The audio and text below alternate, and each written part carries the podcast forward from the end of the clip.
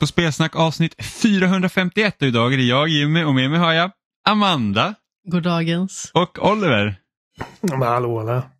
Mm, det var ingen Johan idag för att han, är, eh, han tar hand om sitt barn Ja, så här sent på kvällen. Tack och lov. Tack och lov. så kan han Ja, behöva.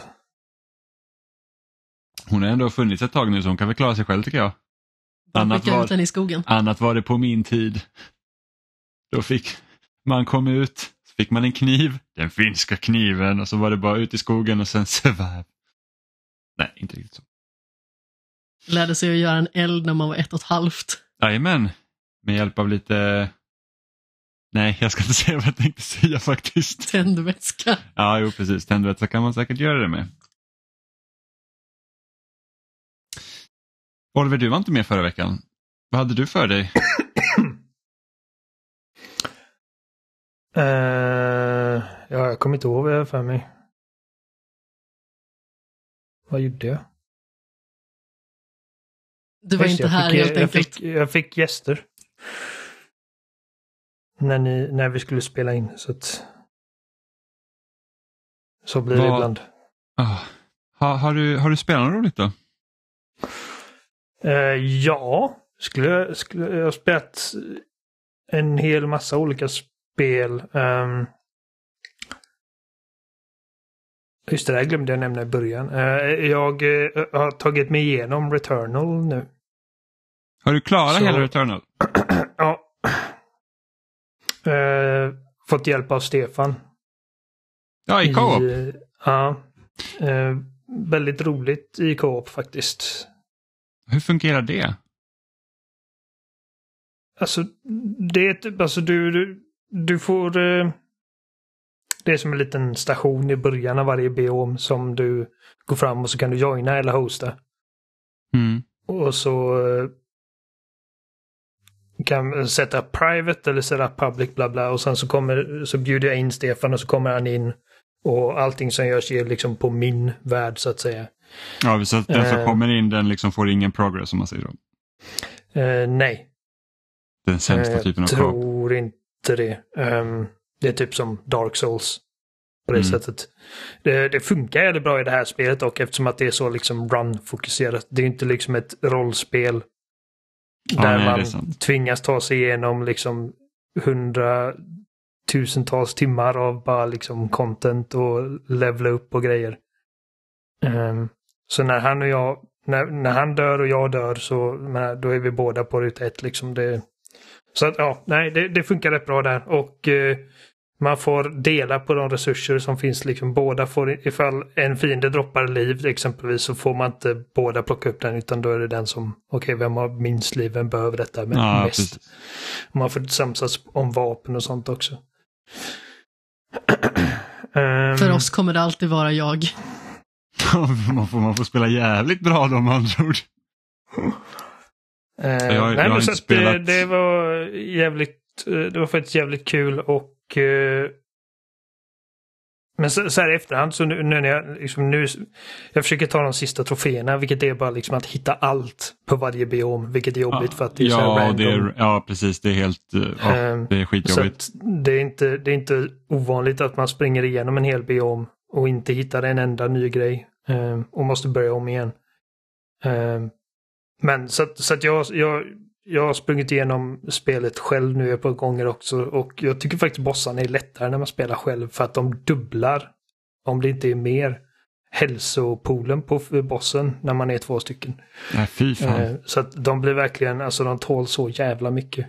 Eh, Ja, och bossarna är inte speciellt roliga till att börja med ändå. Ja, men du gillar inte bossar. Du, du har ingen... eh, Du, du har ingen talan när det kommer men, till men, bossdesign. boss, men så roliga är inte bossarna i Returnal. Det är Jag- inte höjdpunkten. Ja, förutom den vid orgeln var ju häftigt. Men annars, alltså typ, det, jag tror det är den fjärde bossen. Så att med vissa vapen så blir den typ omöjlig.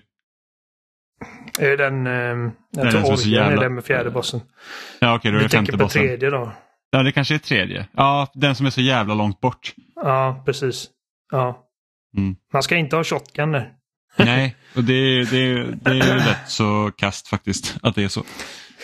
Men eh, väldigt bra spel. Jag gillar det betydligt mer nu efter att ha tagit mig igenom det än när jag gjorde när det släpptes. Men Adam hade mitt exemplar i typ ett år så jag har inte kunnat spela det på väldigt länge. Mm. Um, men, eh, och, och väldigt intressant liksom story när man väl börjar pussla ihop bitarna. Ja, gud ja. Alltså, mid-game twist i det spelet är sjuk. Ja, den är knäckande. Den, den, är, den, den är hård. Alltså det är verkligen som man bara wow.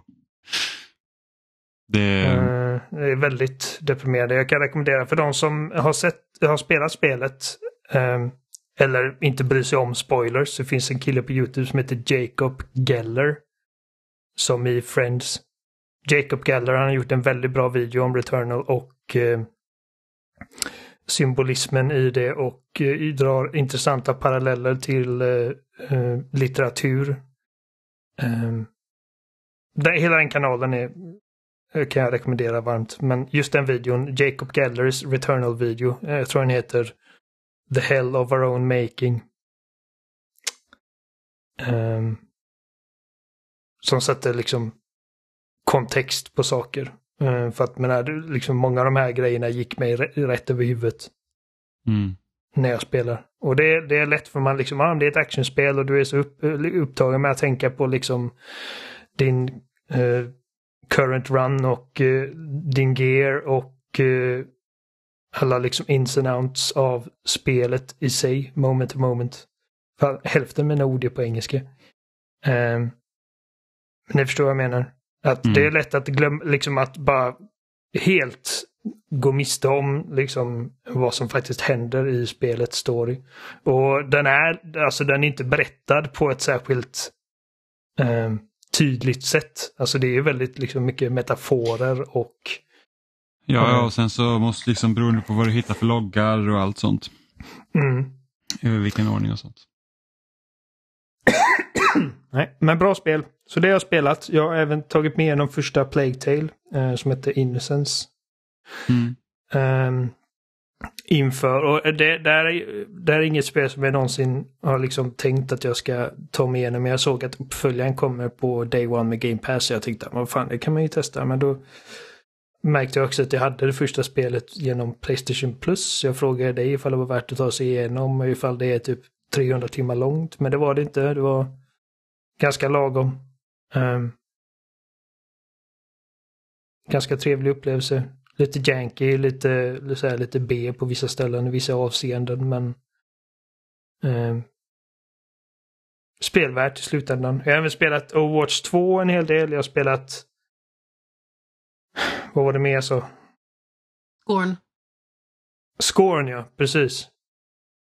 Och eh, har återbesökt uh, Middle Earth Shadow of Mordor lite grann. Efter att ha sett serien. Så att jag, jag har hunnit spela en hel del sen, sen vi pratade sist. Så hur är scoren? Är det bara jag som har spelat det eller? Mm, ja, jag har inte hunnit. Nej. Det är... ehm, Har du klarat ut det? Jag vet att det inte ska vara så långt. nej. Jag har inte klarat ut det. Ehm, det är alltså ett riktigt degenerate spel. Alltså fucked up i liksom varje bemärkelse. Um, på ett bra sätt antar jag. För att det... Alltså det går inte ens att beskriva liksom för att... Eh, Okej, okay, Okej, i grund och botten, det är ett första persons pusselspel i mångt och mycket. Det, det finns fiender och du kan dö. Um, men du får liksom inte ett vapen förrän en ganska bra bit in och det vapnet är egentligen bara en... Alltså typ en sexleksak. Alltså... Um, har ni sett sådana där grejer som typ är en stor dildo på liksom en motor som kör bara vum, vum, vum, vum, vum fram och tillbaka? Ungefär så ser den ut. Jag tror jag kan Ehm, föreställa mig vad du menar. Ja, men det, alltså, det är typ som en pisten liksom. Så den... När man trycker på avtryckaren så pjuff, kommer en liten penis ut. Ehm, så man måste vara typ 20 centimeter från fienden. För att kunna göra skada. Den känns verkligen Tänker helt mig att det är en sån som skjuter iväg tennisbollar. Och så kommer det en massa Ja. penisar från den istället. Ja, den skjuter inte ut något. Den liksom, den, den kommer ut och sen kommer den liksom dras den Ja, in alltså, igen. det är ungefär som en alien-mun då med andra ord. Ja, typ. Ja. Ehm. men eh, så, så du vaknar i det här. Alltså, det, liksom, jag tänker om, om det finns om det skulle ha funnits ett helvete så är det ungefär så här jag föreställer mig att det ser ut för att det är liksom verkligen bara Alltså syndigt jävla brunt och Alltså det är typ allting är både mekaniskt och organiskt på samma gång. Och liksom eh, de former som man dyker på är liksom så abstrakta och eh, när du möter liksom en den första timmen mötte jag bara typ en annan levande varelse och det var typ en deformerad människoliknande varelse som satt fast i någon form av eh, växt eller typ ett ägg som man sen sågar upp för att få loss och sen så liksom kommer han stapplande och ska liksom hjälpa dig att hålla en knapp. Det är typ alltså gameplaymässigt är att du går runt och trycker på knappar för att lösa olika pussel. Mm. Och det finns ingen det finns ingen kontext. Eh, det finns ingen liksom jag ska, ja, jag ska inte säga att det inte finns någon story. Det finns det, finns det ju liksom sett till att okej, det, är en, det är en varelser som är på det här stället och du är på det här stället av någon anledning, antar jag. Men det finns liksom ingen dialog, det finns ingen text, det finns ingen eh, liksom inledande mellansekvens som ger kontext till vad som händer. Det, eh, ingenting. Alltså verkligen bokstavligen ingenting. Det är typ som Witness i det avseendet, för det hade väl också ingenting, hör för mig. Ja, det finns viss text eh, i The Witness men eh, rent generellt sett så kommer du fram till ett pussel och sen så får du bara försöka veta hur alltså du får ju testa. Ja. Och, Och försöka alla liksom pussel tänka, är det sån här är regel liksom... eller? Alla pussel i The Witness är liksom, det, det är ju baserat på en viss typ och sen blir det liksom mer komplicerat och det finns typ olika eh, twister på det konceptet. Men grundkonceptet är alltid detsamma, att du ska, du har de här tavlorna som du ska ta dig Du ska dra en linje. Ja, precis. Mm. Här är det inte lika tydligt utan det, du har olika konsoler. De första typ konsolerna. Och jag säger konsoler för att de funktionellt är konsoler men egentligen är de typ organiska eh, grejer med hål som du stoppar in fingrarna i. Och det, allting är väldigt slafsigt och kladdigt. Och, alltså rent designmässigt är det en triumf. Alltså det, det ser inte ut som något annat spel. Visst, absolut så, alltså man ser ju vart influenserna ligger. Att det här är ju direkt från HR Gigers bok, givetvis. Ehm, och, eh, men jag kommer, första gången jag såg trailern till det här så sa jag att okej, nu kommer Fox och eh, Ridley Scott att stämma dem. Ehm, så att själva stilen är inte unik, men vad de har gjort med den är liksom, alltså med Alien-filmerna är ju ingenting jämfört med bara hur degenerate det kan bli. Mm. Ehm, så som sagt, vart det finns hål stoppar in fingrar och armar och sen så liksom händer det saker och det är inte alltid man vet vad som händer. Ehm, och det är inte alltid man förstår vad det är liksom pusslerna vill av dig. Um, Det känns nästan lite så här gamla skolan så här pusselspel. Jag tänker typ Myst och liknande. Där Ja. man liksom bara säger att ja, nu står jag här och tittar på någonting och jag vet inte riktigt vad jag ska göra. Jag tänkte lite på Amerzone. Det var ett ga- gammalt sånt där typ eh, klicka första personspel. Men jag kommer inte Mm. ihåg. För att där, där fanns det i alla fall text och liksom och dialog och sådana grejer. Eh, men här är det, ja, det är verkligen ingenting. Så att jag förstår ingenting. Jag gör framsteg liksom då och då. Men oftast är det liksom att jag sitter i ett rum och bara jag vet inte vad det vill, spelet vill att jag ska göra just nu. Mm. Ehm, och som sagt, liksom.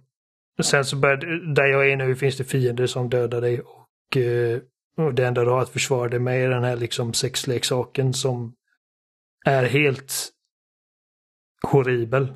Ehm, Alltså, är den horribel för att den är dålig eller är den horribel för att den är äcklig? Både och. Men Mest är den för att den är dålig. Alltså du kan liksom använda, skjuta den ska man säga. Så man kan liksom få så här tre kuk thrusts innan den måste ladda. Men det finns ingenting som säger liksom att okej nu måste den ladda. Du får du bara lista ut det själv för att den helt enkelt inte vill funka längre. Och den här lilla mätaren som visar typ hur mycket kraft det är kvar i den är nästan helt oläslig för mig. Jag vet inte om det är en färggrej. Men den, det är liksom en liten tunn linje Mm. som, som dräneras. Och, och de här små pyttesmå liksom fiender, jag kan inte ens beskriva dem för att det är liksom, det är bara abstrakta former som skriker på dig. Ehm, de fuckar verkligen upp mig för att jag, jag måste vara så nära för att liksom göra någon skada på dem. Det kanske jag som missuppfattat vapnet helt och hållet, jag har ingen aning men. Låter som geometri. mycket. Abstrakta former som skriker på dig. Ja. Ja. Jag, jag har ju bara, vad jag har sett liksom av kritiken som spelet har fått så är det liksom att striderna är värdelösa och checkpointsen är dryga. Ja, checkpoints Det har jag inte tänkt på så mycket för att jag, jag har inte dött så jävla mycket förrän nu. Och det var då Mm. jag stängde av och inte fortsatt spela än. Jag tror att det finns Eh. något kapitel som är relativt kort men det finns liksom ingen checkpoint i det kapitlet. Mm. Eh, och det, det är så lite så att- här, jag känner mig överlag så här bara med typ spaning i spel. Låt mig spara när jag vill. Alltså jag, sätt ändå en sparning att jag måste sluta spela när jag har sparat då om de inte vill att man ska liksom abusa sparsystemet. Men Mm. bara så att jag liksom kan sluta när jag vill. Ja, Ja, Fortsätt. alltså det, det, beror, det är ju liksom en speldesign-grej, alltså vad man vill uppnå. Men, Jo, jo, men, men så här, att, låta dig spara. För jag tror typ Fire Emblem Path of Radiance på GameCube var så att du kunde spara liksom mitt i ett slagfält men då fick du liksom sluta spela. Och nästa när du laddar den sparfilen sen så är den liksom, då kan du inte starta om där utan då, då, det, då, då försvinner den. Mm. Ett sånt system funkar ju då om man vill göra det. Oh.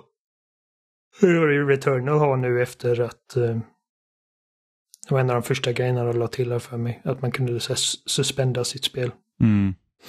Ja, det var ja, för men fan i, vilket men i med så går man inte tillbaka till första banan så fort något går fel. Så att, Nej.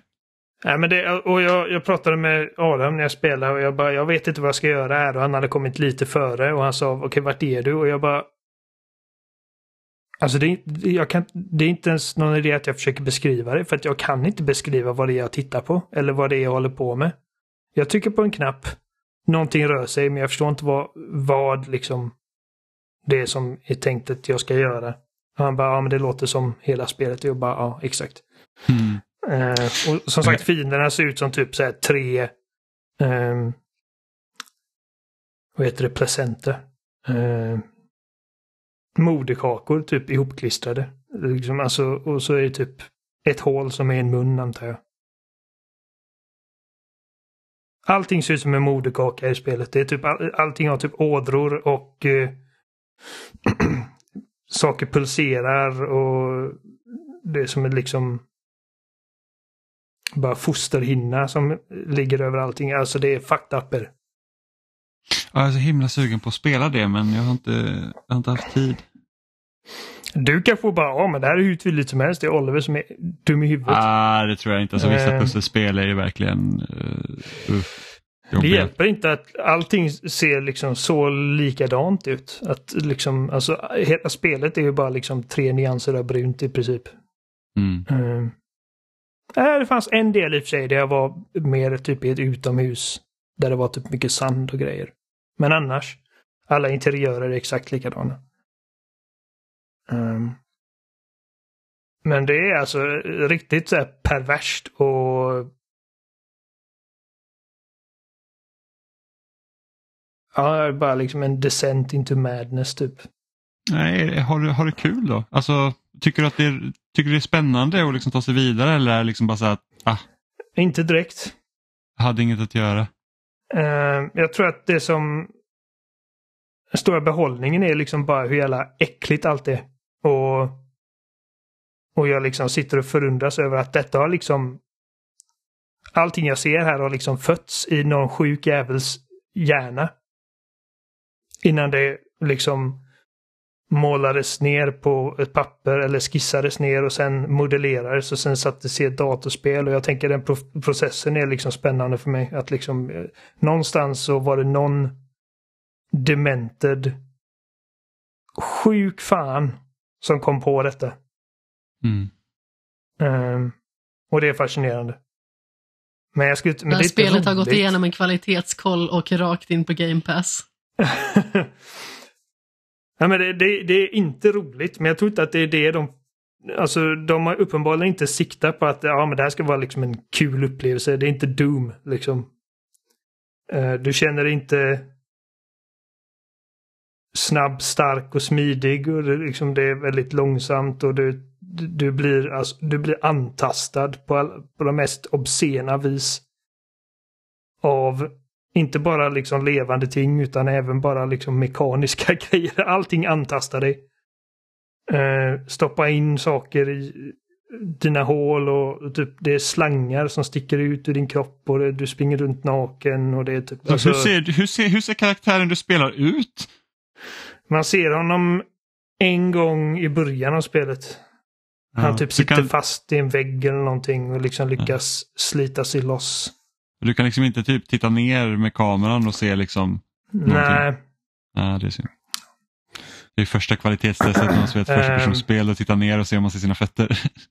Det, man, ser, man ser sin kropp då och då men då är det liksom skriptade grejer typ mm. som när det är liksom någon parasit som hoppar på dig och liksom borras igenom din bröstkorg. Och sen stannar där. Och karaktären försöker inte ens ta loss den. Jag vet inte. Alltså det, det är så jävla weird. Det, det är verkligen obscent och skruvat och helt sjukt.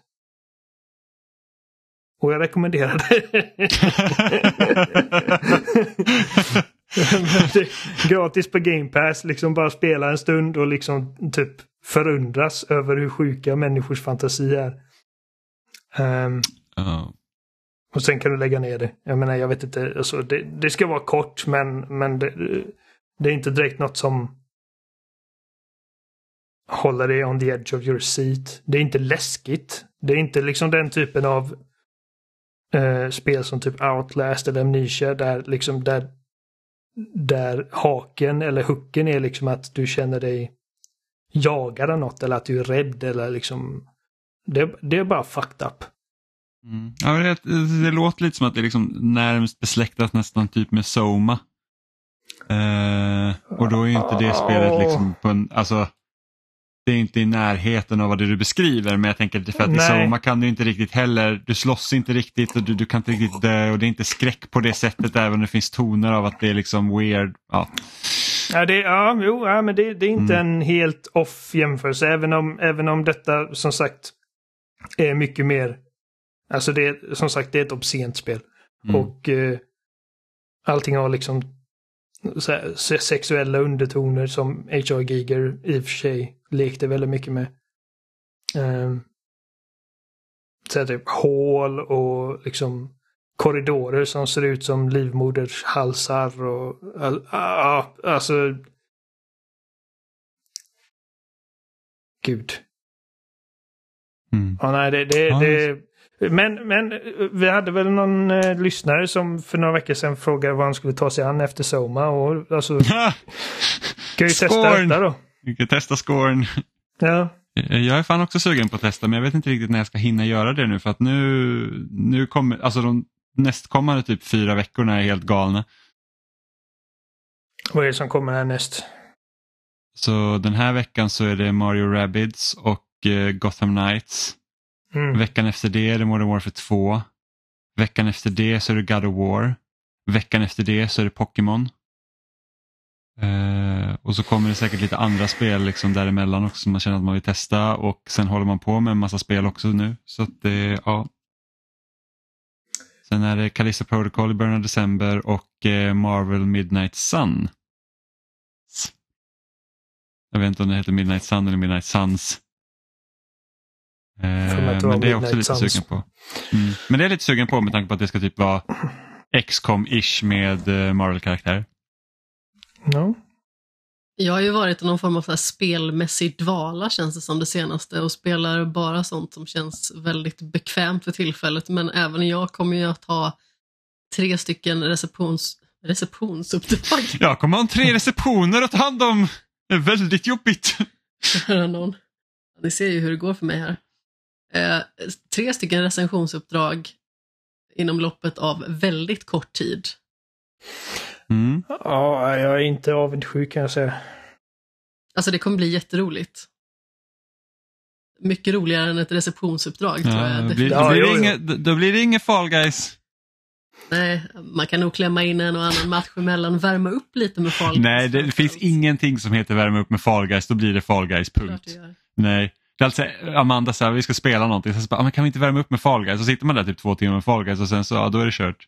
Jimmy överdriver för komisk effekt. Nej, gör jag inte. Jag vet nog så många Fall Guys-kvällar som egentligen skulle ha varit något annat. Nej. Men jag har ju också recenserat spel, så jag hade två spel nu som eh, recensioner egentligen släpps på. Egentligen tre. Ja, egentligen tre, men det, det ena var ju lite så- halv sådär. Eftersom jag inte kunnat spela det. Eh, Vilket var det då? det var Overwatch 2. Så jag skulle recensera det så bara, ja men jag har inte kommit in på en enda match och nu är det liksom så här moments past typ. eh, nej men jag, jag fick ju Persona 5 Royal till Xbox att recensera. Eh, och det här spelet har ju funnits ute tidigare. Alltså både originalet och sen Royal-versionen då eh, på PS4. Och nu kommer det liksom till allt annat också. Så att jag tänkte så här, ja men visst, vem har inte tid att lägga typ 130 timmar på ett spel man redan har spelat? Eh, men jag har faktiskt inte kört eh, Royal-versionen så att, eh, och jag gillar ju Persona.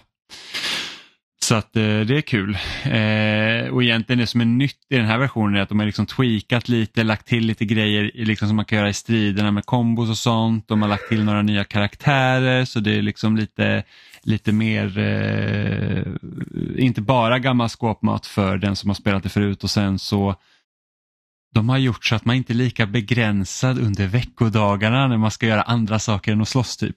Eh, då vet man inte vad Persona är så är det typ, ja, vad ska man säga, det, det, det är som en interaktiv roman blandat med ett liksom japanskt rollspel.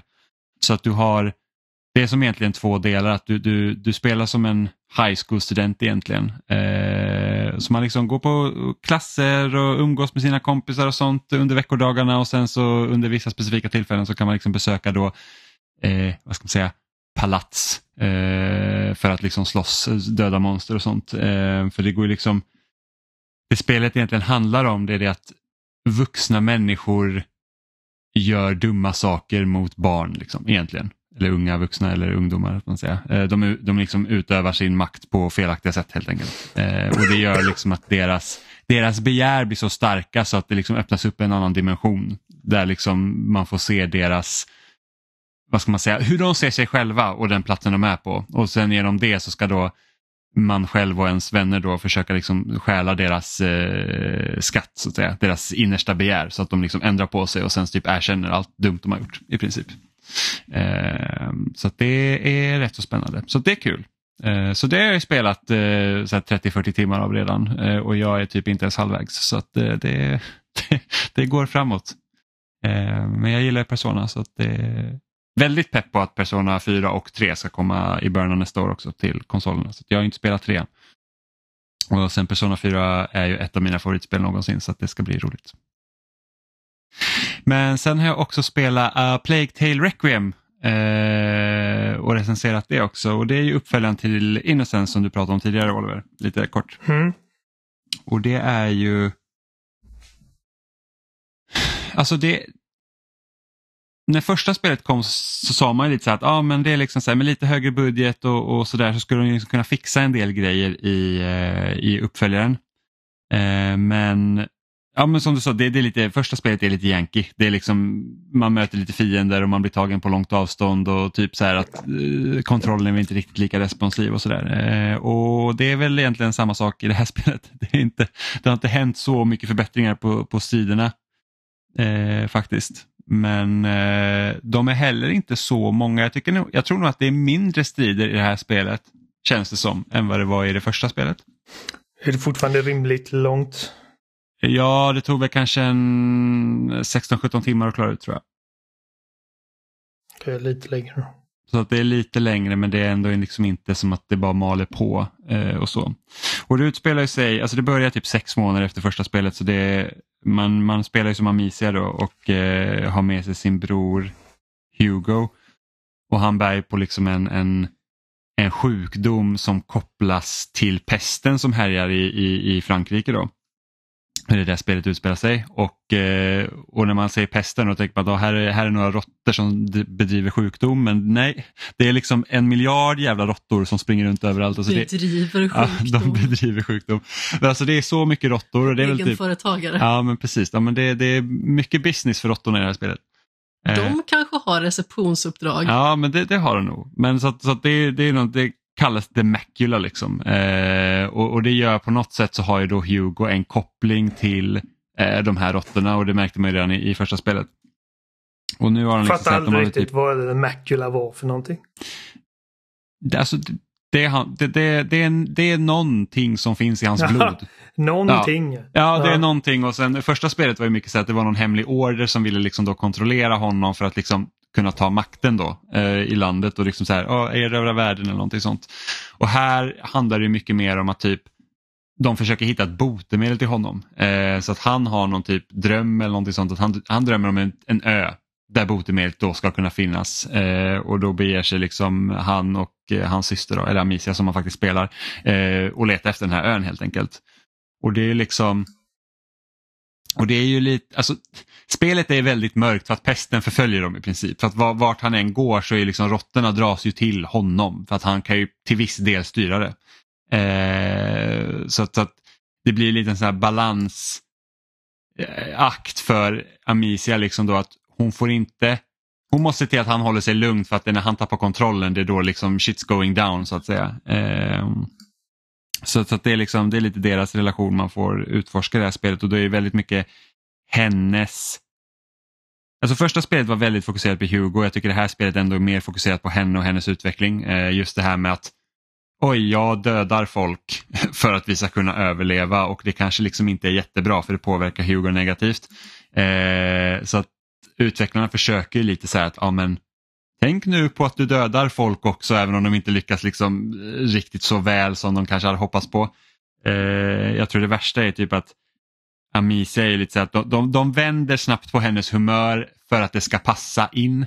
Vilket gör att hon agerar ganska ologiskt emellanåt, vilket är jättestörigt. Alltså jag, jag är inte så jätteförtjust i henne som karaktär och det är svårt att få liksom någon form av empati med henne då när jag egentligen tycker att hon är ganska jobbig.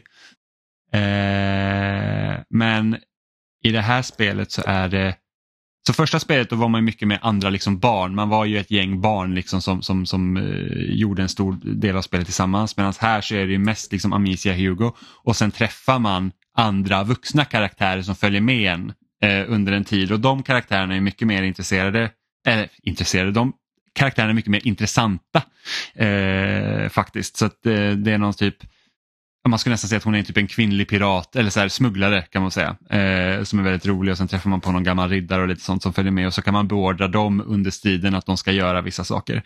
Eh, vilket är kul. Eh, men alltså det, det är liksom Spelet är ändå väldigt mörkt. Alltså det, det är liksom så här, det är hårt liv för båda. I princip genom hela spelet. Att Det är liksom ganska tungt. Eh, och jag tycker att till skillnad från många andra spel så tycker jag ändå att de lyckas verkligen naila slutet. Alltså jag, jag, jag Lite som när vi pratade om The Evil Within 2, Oliver. Du vet, man sa så här, man bara, det. Ja, för det var så här att ah, vi har inte brytt oss de här karaktärerna eh, typ överhuvudtaget. Sen så kom man till slutet och man bara wow. Alltså det är verkligen bara så här, det bara satte sig. Eh, och jag skulle ändå säga kanske att Evil Within slutar liksom på ett bättre sätt för, vad de, för hur lite de karaktärerna egentligen är med i spelet tills man kommer till slutet. Eh, men jag säger ändå att upplösningen i det här spelet verkligen så man bara, ja, men jag, liksom, jag förstår motivationen som de har haft och jag förstår liksom det här hindret man måste komma över och jag tycker liksom verkligen att det, det var super, super bra gjort. Eh, och liksom så här att det är ändå en pers man har gått igenom om man säger så. Eh, sen tror jag att en del av problemet liksom i, i karaktären att de är så unga, eller ja, Amicia är inte jätteung men Hugo är ju typ fem sex år eller någonting sånt. Vilket gör att han liksom får inte riktigt det utrymmet som man kanske hade behövt ha av en sekundär karaktär. Alltså det är typ, jämfört typ med Ellie The Last of Us. Hade hon liksom varit typ ett väldigt litet barn så hade man kanske inte alls fått liksom samma känsla för henne som man har när hon är lite äldre för att hon agerar på ett äldre sätt medan Hugo gör ju inte det. Han agerar som ett barn och då blir det lite så här att okej okay, men du har varit rädd genom hela spelet nu, jag förstår det men det händer liksom ingenting annat. Men det känns ändå som att man hade kunnat få ut bättre dialog av honom även att han är ett lite mindre barn. För att jo. jag tycker att dialogen i allmänhet i båda spelen är inte så himla intressant att lyssna på. Framförallt så tycker jag ju att röstskådespelarna har bara ett läge eh, och de pratar väldigt högt hela tiden. Det finns väldigt lite nyanser i deras röstspektra och jag tycker att det är otroligt irriterande att lyssna på. Ja, det, det, det stör faktiskt inte mig. Eh, men jag tror att de har lite målat in sig i ett hörn och satt Hugo för att vara så liten. För jag tror att man har lite tänkt utifrån att hur hade ett sånt här ungt barn agerat och sen har man liksom inte riktigt vågat spä ut på det för att då kanske han verkar äldre än vad han tror. Eller då kanske vissa beslut också blir mer ologiska för att helt plötsligt så, så stämmer det liksom inte överens med den bilden man har. Eh, men de lyckas liksom rätta till det lite i slutet vilket ändå är rätt så skönt. Sen är det lite tråkigt att liksom spelmässigt så tycker inte jag att de gör några nya intressanta grejer utan pusslen är ungefär som det var i första spelet. Det är bara, ja men nu ska vi använda ljus för att se till att flytta runt på råttorna så att vi inte blir uppätna. Råttorna är det... inte kompisar längre då? Nej men alltså de är kompisar under vissa segment men det är bara att Hugo har ingen kontroll över Maculan ordentligt. Så det gör liksom att visst, inom vissa segment så kan man styra råttorna men du kan ju liksom de gör ju ingen skillnad egentligen på Amicia och Hugo mot, no mot annat dödkött liksom, utan de äter ju dem också om de hamnar i vägen så att man måste ju fortfarande tänka på det. de eh, dödkött. men, men det är, det är liksom, de gör inte direkt några nya grejer med spelet, alltså spelmässigt. Det är liksom så att, ja men flytta på, alltså tänd den här lyktan, flytta på den här vagnen, eh, använd samma så här, alkemi för att liksom göra lågorna starkare, eh, släcka eldar och allt sånt. Så det är liksom det är typ exakt samma grej igen, vilket jag tycker är lite synd för här hade man ju kunnat liksom experimentera med, okej okay, men hitta på lite andra formler och sånt som ändrar liksom gameplayet. Utan nu är det mest bara att ja, men vi gör samma grej igen och sen så får vi bara liksom köra på. Det tycker jag, tycker är lite tråkigt. I och med att vi bor ihop så är det ju ofrånkomligt att eh, den ena eh, gör annat än att se vad den andra spelar, liksom. såvida inte man hade stängt in sig i ett annat rum. Och eh, när jag kollar på det här spelet så känns det ju verkligen i mångt och mycket som samma spel fast lite snyggare.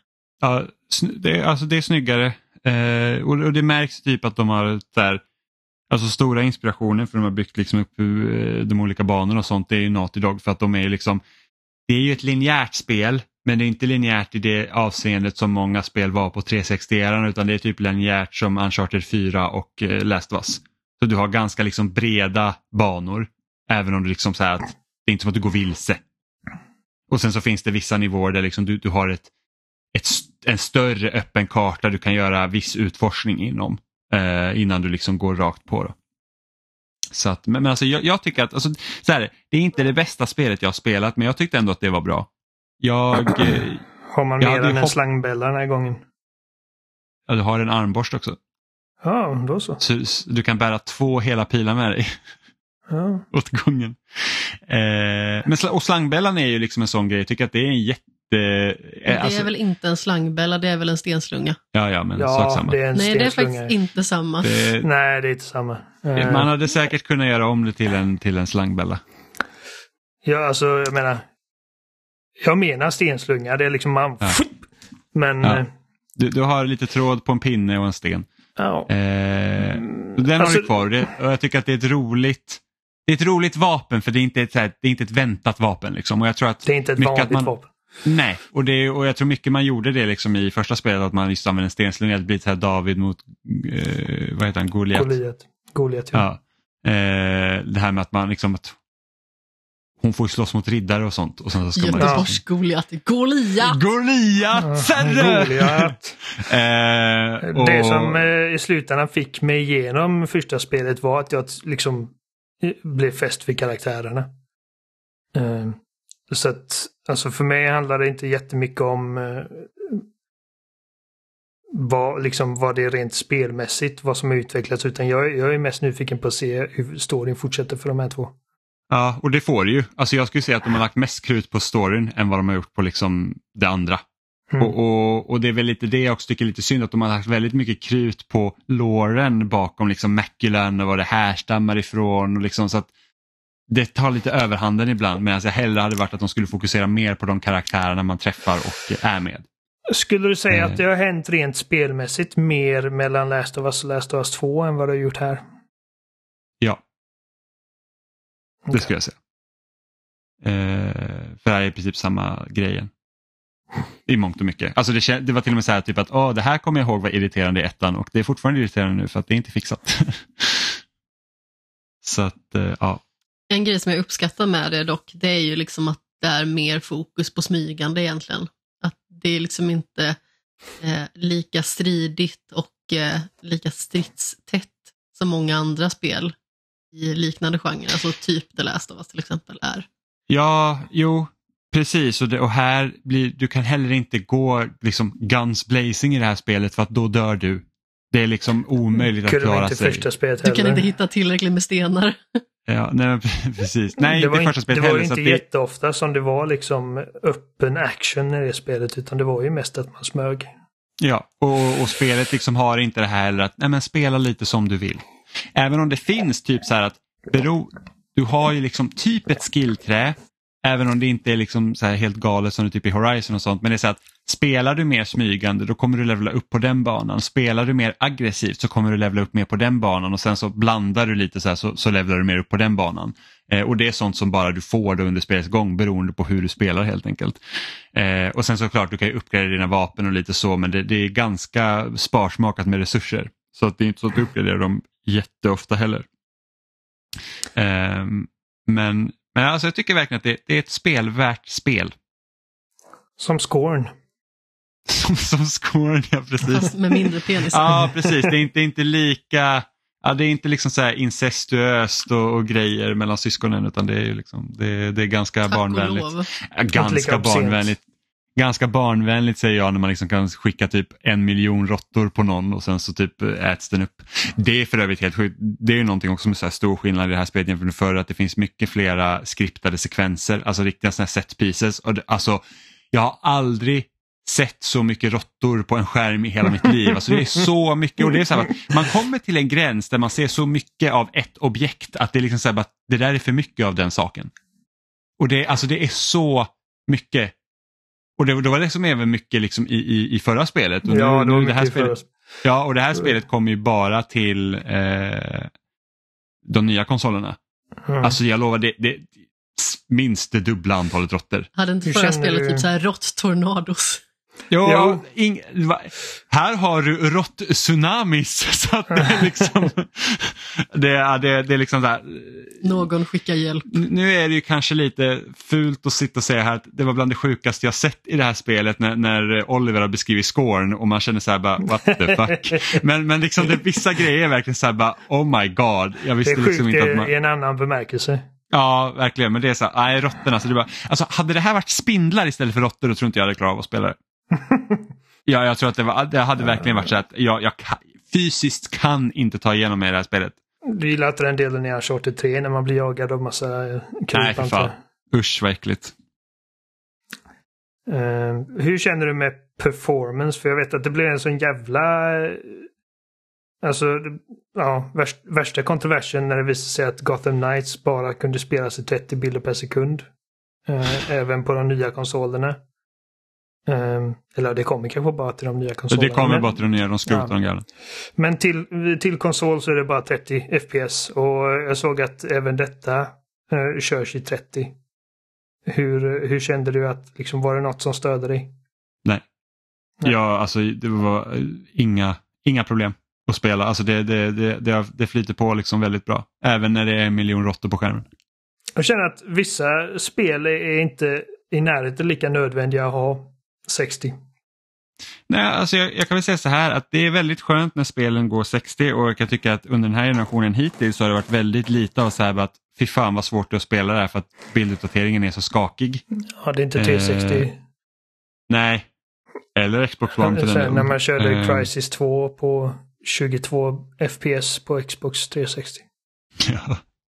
Och det var så att då var det normalt, man vänjer sig Ja. ganska snabbt. Men det är såklart, spelar man mycket 60 FPS då är man ju van vid det. Så går man från 60 till 30 då märker man ju en skillnad. Men Ja, det det var ingenting som störde mig här. Jag, jag tycker att det, det fungerade väldigt bra. Jag, jag tror inte att jag haft spelet har kraschat eller någonting sånt heller. Eller att ja, jag tror kanske behöver starta om någon gång. Men annars så det, det flyter på bra. Nu ska det tilläggas att vi är riktiga så här, console peasants. Ja, ja precis. Ingen Nej. av oss är så PC master Nej, race. jag spelar på min Steam Deck på sin höjd nu för tiden, men det är Mm. mer som en konsol också än vad det är en PC. Äh, det är en PC, man kan använda den precis som en PC, men, men det, det, det känns inte som en PC på det sättet. Eh, nej, exakt, men alla som lyssnar på spelsnack eller har lyssnat länge på spelsnack vet ju att vi ofta spelar mest på konsol. Så att borde inte vara problem. Jag fick hem, eh, för övrigt fick jag hem en Steam Deck dock idag. Så jag ska kunna koppla upp min Steam Deck till tvn. Eh, så det ska bli kul att testa. Den borde ju bara kallats för Steam Dock. Steam Dock. Steam Dock. ja, det är lite jobbigt att säga Steam Deck Dock.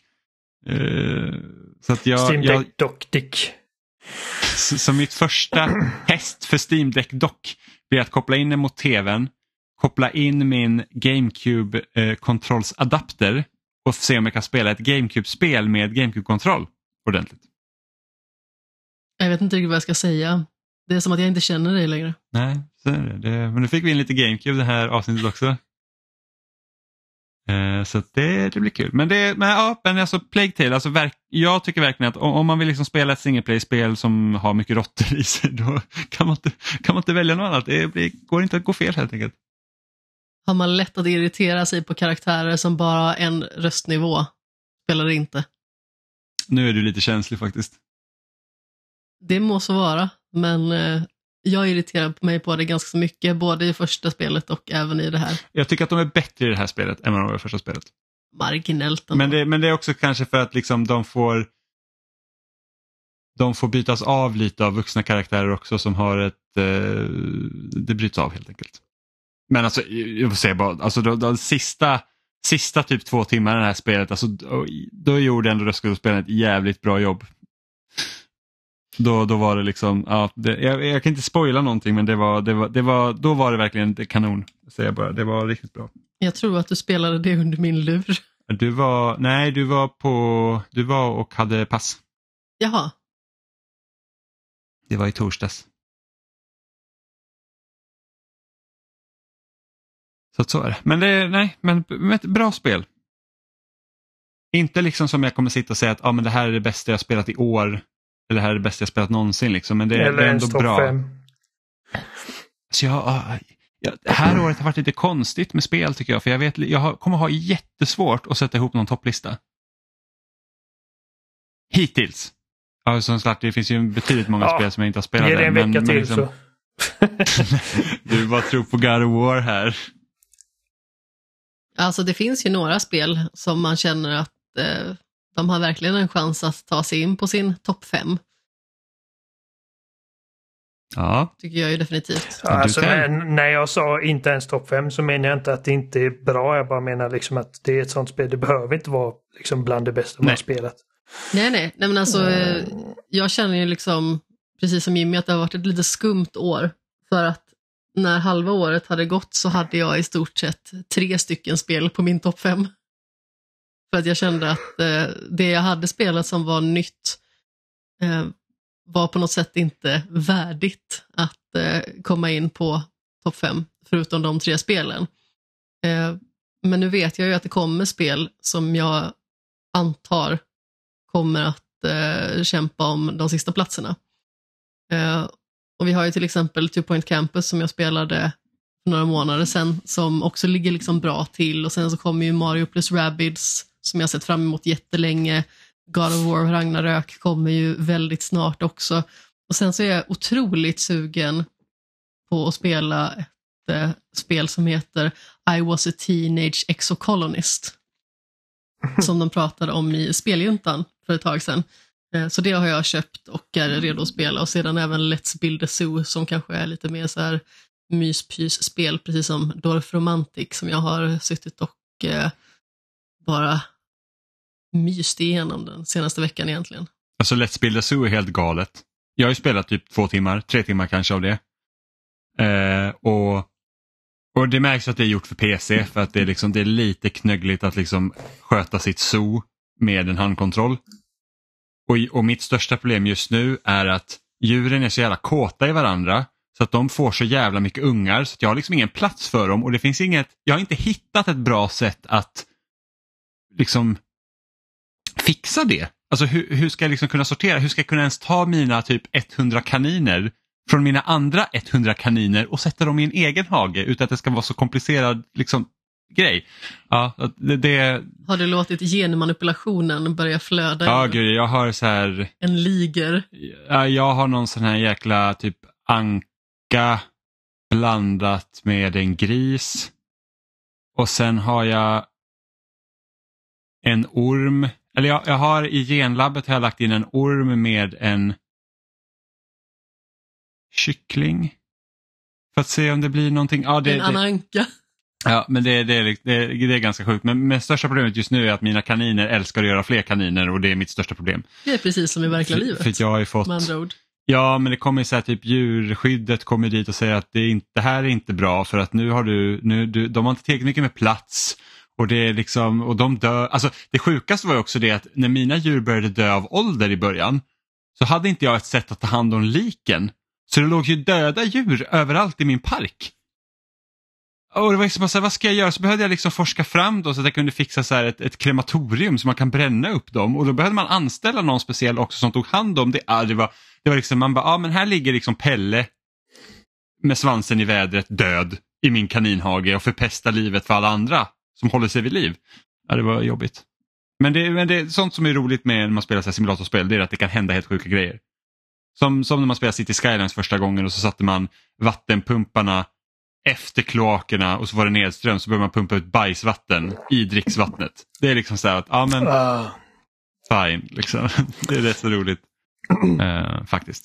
Let's Build Zoo har jag ju sett fram emot ett tag och det är lite typiskt att jag inte har orkat bita tag i det än. Men det är ju lite längre än flera andra spel som jag är ja, men alltså sugen det, på att Det är lite av ett evighetsspel och det, de har gjort det som den typen av simulator som jag gillar det här med att det är inte uppdrag som det var i Two Point Campus. Även om det funkar såklart i Two Point Campus, jag spelar igenom hela det spelet. Men, men det är så att jag har mitt zoo och nu ska vi bygga på det sot hela tiden tills jag liksom... Du har ditt zoo och du har också 300 kaniner. Ja, men precis, precis. Men det är så att jag hade inte spelat lika mycket City Skylines som jag hade behövt göra massa uppdrag hela tiden. Utan det är så att här är min stad och jag vill liksom att den ska bli så stor som möjligt.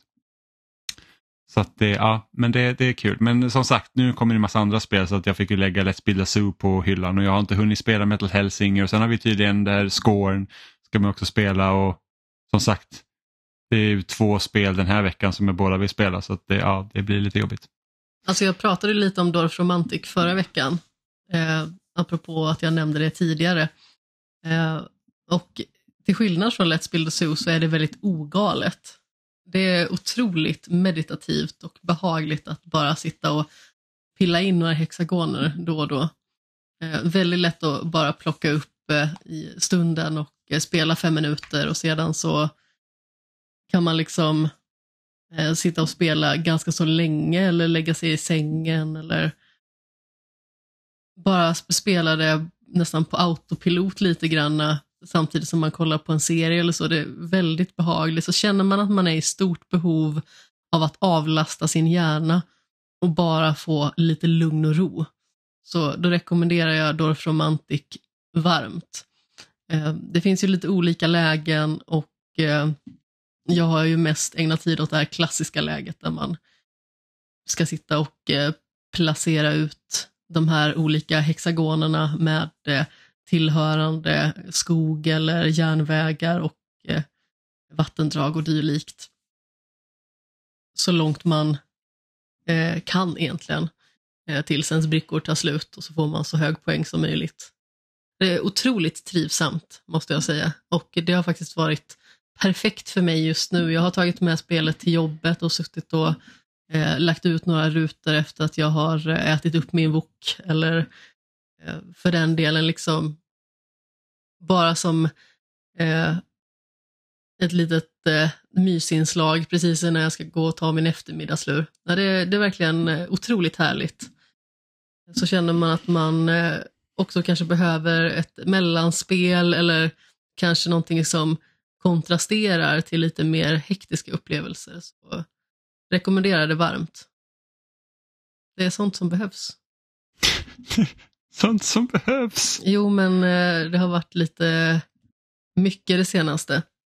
Eh, och framförallt en sån puck som eh, nu i alla fall har rätts ut för egen del, det är ju att jag var ju på ett läkarbesök för åtta veckor sedan för att jag hade väldigt ont i min ena armhåla och det strålade ut mot bröstet. Och i och med att vi har en historik av cancer av olika sort, både i lymfkörtlar och dylikt i familjen, eh, så var det ganska så stressande och jag tror att det har nog legat i bakgrunden och stressat betydligt mer än vad jag kanske själv har eh, velat erkänna eller eh, vad jag kanske egentligen tror att jag tänker på. Alltså jag, jag, tror att det liksom ligger där och puttrar väldigt mycket och tar mycket energi i bakgrunden. Och eh, nu fick jag ju äntligen då eh, sju veckor efter kallelsen gå på mammografi och eh, ultraljudsundersökning och allting såg jättefint ut och eh, det var inga problem så det kändes faktiskt som en sten som lättade ganska så rejält och eh, det behövdes. Var det det ordet de använde efter mammografin? Det ser jättefint ut. Ja, ja. faktiskt. Eh, de sa liksom att, att bilderna såg eh, jättebra ut och det var inga konstigheter och eh, de gjorde en jättenoggrann ultraljudsundersökning liksom av halva överkroppen i stort sett, ända från i stort sett byst till upp på halsen. Så ja, nu är det liksom kanske lite för mycket information för våra lyssnare att ta reda på, men vi har varit uppe och eh, härjat i Olivers rumpa och lite sådana grejer också. det är sånt man får ta. Du har varit uppe och härjat. Ja. Jag har härjat ja, men... som fan i mitt arsle. Det... Nej, men skönt att höra att uh, det inte var några konstigheter. Ja, nej, men det känns uh, väldigt betryggande. Som sagt, uh, jag går ju inte till läkaren ofta jag tror du hade nog en av de snällaste undersökningarna. De har varit uppe i Olivers rumpa och mig ska de peta på testis... testis te, vad måste det vara så svårt? Testiklarna! Och du bara säger ja de kollar mina bröst och man bara mm, mm. Ja fast man känner ju sig liksom lite fånig. Alltså första undersökningen då fick jag ju ta av mig på överkroppen och sen så satt hon och liksom eh, kände igenom armhålan och mina bröst som att hon gjorde liksom krokodilen med händerna.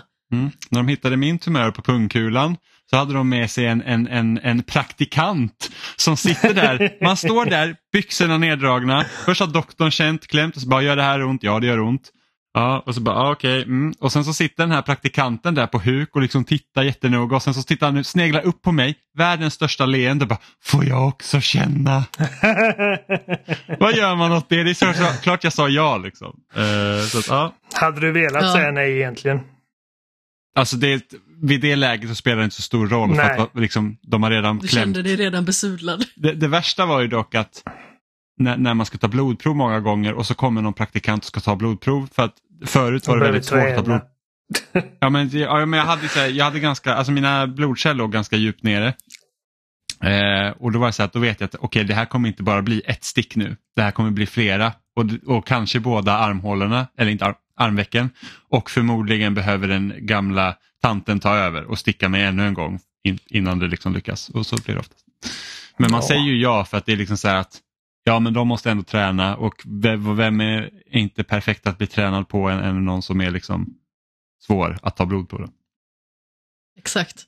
Men jag måste verkligen säga att alltså nu är det ju för egen del egentligen tio år kvar tills jag skulle gjort en eh, mammografiundersökning till exempel. Då. Ehm, men det är ju ändå fantastiskt att man blir kallad till den typen av undersökning senare, även så här cellprovtagning och liknande grejer. Det är ju kanon att man jobbar förebyggande på det sättet. Ja, det. det är också billigare att förebygga än när man blir sjuk. Mm. Eh, ja, för mig. Gå på era undersökningar folk. Ja, för min Olivers del, där kommer få härja upp i rumpan flera gånger när vi blir äldre. Ja, det är inte sista gången. Nej, inte sista gången. Nej. Jag Även om jag är jag så otroligt är- fascinerad på den läkaren som sa att det var inte hans favoritsyssla. Det var ju faktiskt väldigt roligt. Ja, eh, för den som har missat det så det var min första eh, så här, rektalundersökning. Och jag var lite nervös. Jag sa ja, det är, eh, jag är lite nervös. Jag, är inte jättebekväm om man säger så. Och så säger läkaren bara, ja men trodde jag gillade det då? Det är inte det man vill höra ändå. nej, nej verkligen inte. Alltså hur, Ens rövhål blir ja, generat. men hur självmedveten blir man inte då? Så bara, det är väl tillräckligt ren nu hoppas jag.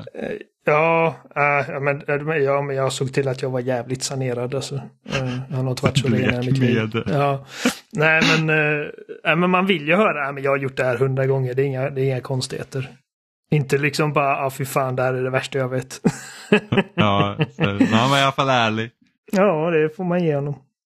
Ehm, jag tror att det som var mest eh, alltså, nedslående var att det inte var liksom den här typ religiösa liksom sprutorgasm-upplevelsen man fick. Som man har läst på Reddit. Ja just det. För, Liksom och för er som inte vet det så sök, jag tror det är typ så här drumstick, pleasure eller någonting sånt. Uh, rectal exam eller något sådant. Det, alltså, det, är så, det är så roligt skrivet. Ja, det är ju en man som började köra in trumpinnar i rumpan på sig själv för att han tyckte att det var så behagligt. Ja, ja, för att han, han var ju på sån undersökning och fick världens ståfräs liksom. Och bara, oh. och typ, så han beskrev det liksom, han bara, och jag typ, jag typ stönade högt inför läkaren. So he pushes it in in the first time anyone's ever been there, uh, like ever, and two things happen within three seconds. I get idiotically you could bend a steel bar around my dick stupid hard. den är så jävla roligt, roligt skriven. Alltså den heter, rubriken är I 24, eller 20 23M Just discovered prostate stimulation and I prefer it to sex with my girlfriend. Like by a lot. Help. Och den är så jävla rolig. Alltså han, han, han märker att jag gillar ass, assplay när han var på så här prostatundersökning. Och han går till en musikaffär och köper trumpinnar för att liksom, varför inte? Eh, och nu kan han inte, liksom sex med hans tjej är inte roligt längre för att det, det bara hans, hans penis är sekundär. Det är röven det handlar om. Ja, men den, den är jätterolig. För En den, vacker historia den, är så, den är så himla roligt skriven. Jag kan säga att det är inte lika roligt att eh, få ens tuttar att bli eh, plattade till pannkakor. Men som sagt, eh, det är värt i slutändan. Ja, det var det även för han som gick prostatundersökning. Mm. Ja, han har ju lite kul nu. Ja, ja, han har jätteroligt. Jag är så här, Mina tuttar kommer bara bli plattare med åren. han, får, han får en trumpinne i födelsedagspresent han bara åh. Här, ett annat stycke. Next day more drumstick. This time with porn. Porn gets shut, shut off within 10 minutes. I don't need anything else. I'm fucking prostate monk. Austere in my faith. Det är så fantastiskt roligt. Ja. Men eh, jag tror att det här är allt vi hade för idag. Ja, med de, eh, med de orden. Bra att Ja. runda av på. Ja, ja men precis. Gå och läs den Reddit-posten, alltså den är så rolig. Ni, det, jag lovar, det kommer ge er, er gott skratt. Eh, men ni, ni finns, vi finns så vanligt på... Förhoppningsvis finns våra lyssnare också. Ja, ni, ni finns, punkt. Och nu till avslutningen. Vi finns som vanligt på spelsnack.com. Där hittar ni också alla länkar till ställen vi finns som Facebook, eh, Youtube, eh, Twitter. Eh, vi finns där poddar finns som Apple Podcast, Spotify och i era RSS-flöden. Vi läggs också upp på loading.se eh, varje vecka. Så ni kan gå in där och kommentera eller skicka mejl till oss på kontaktetspelsnack.com eller skriva på några av våra sociala kanaler också.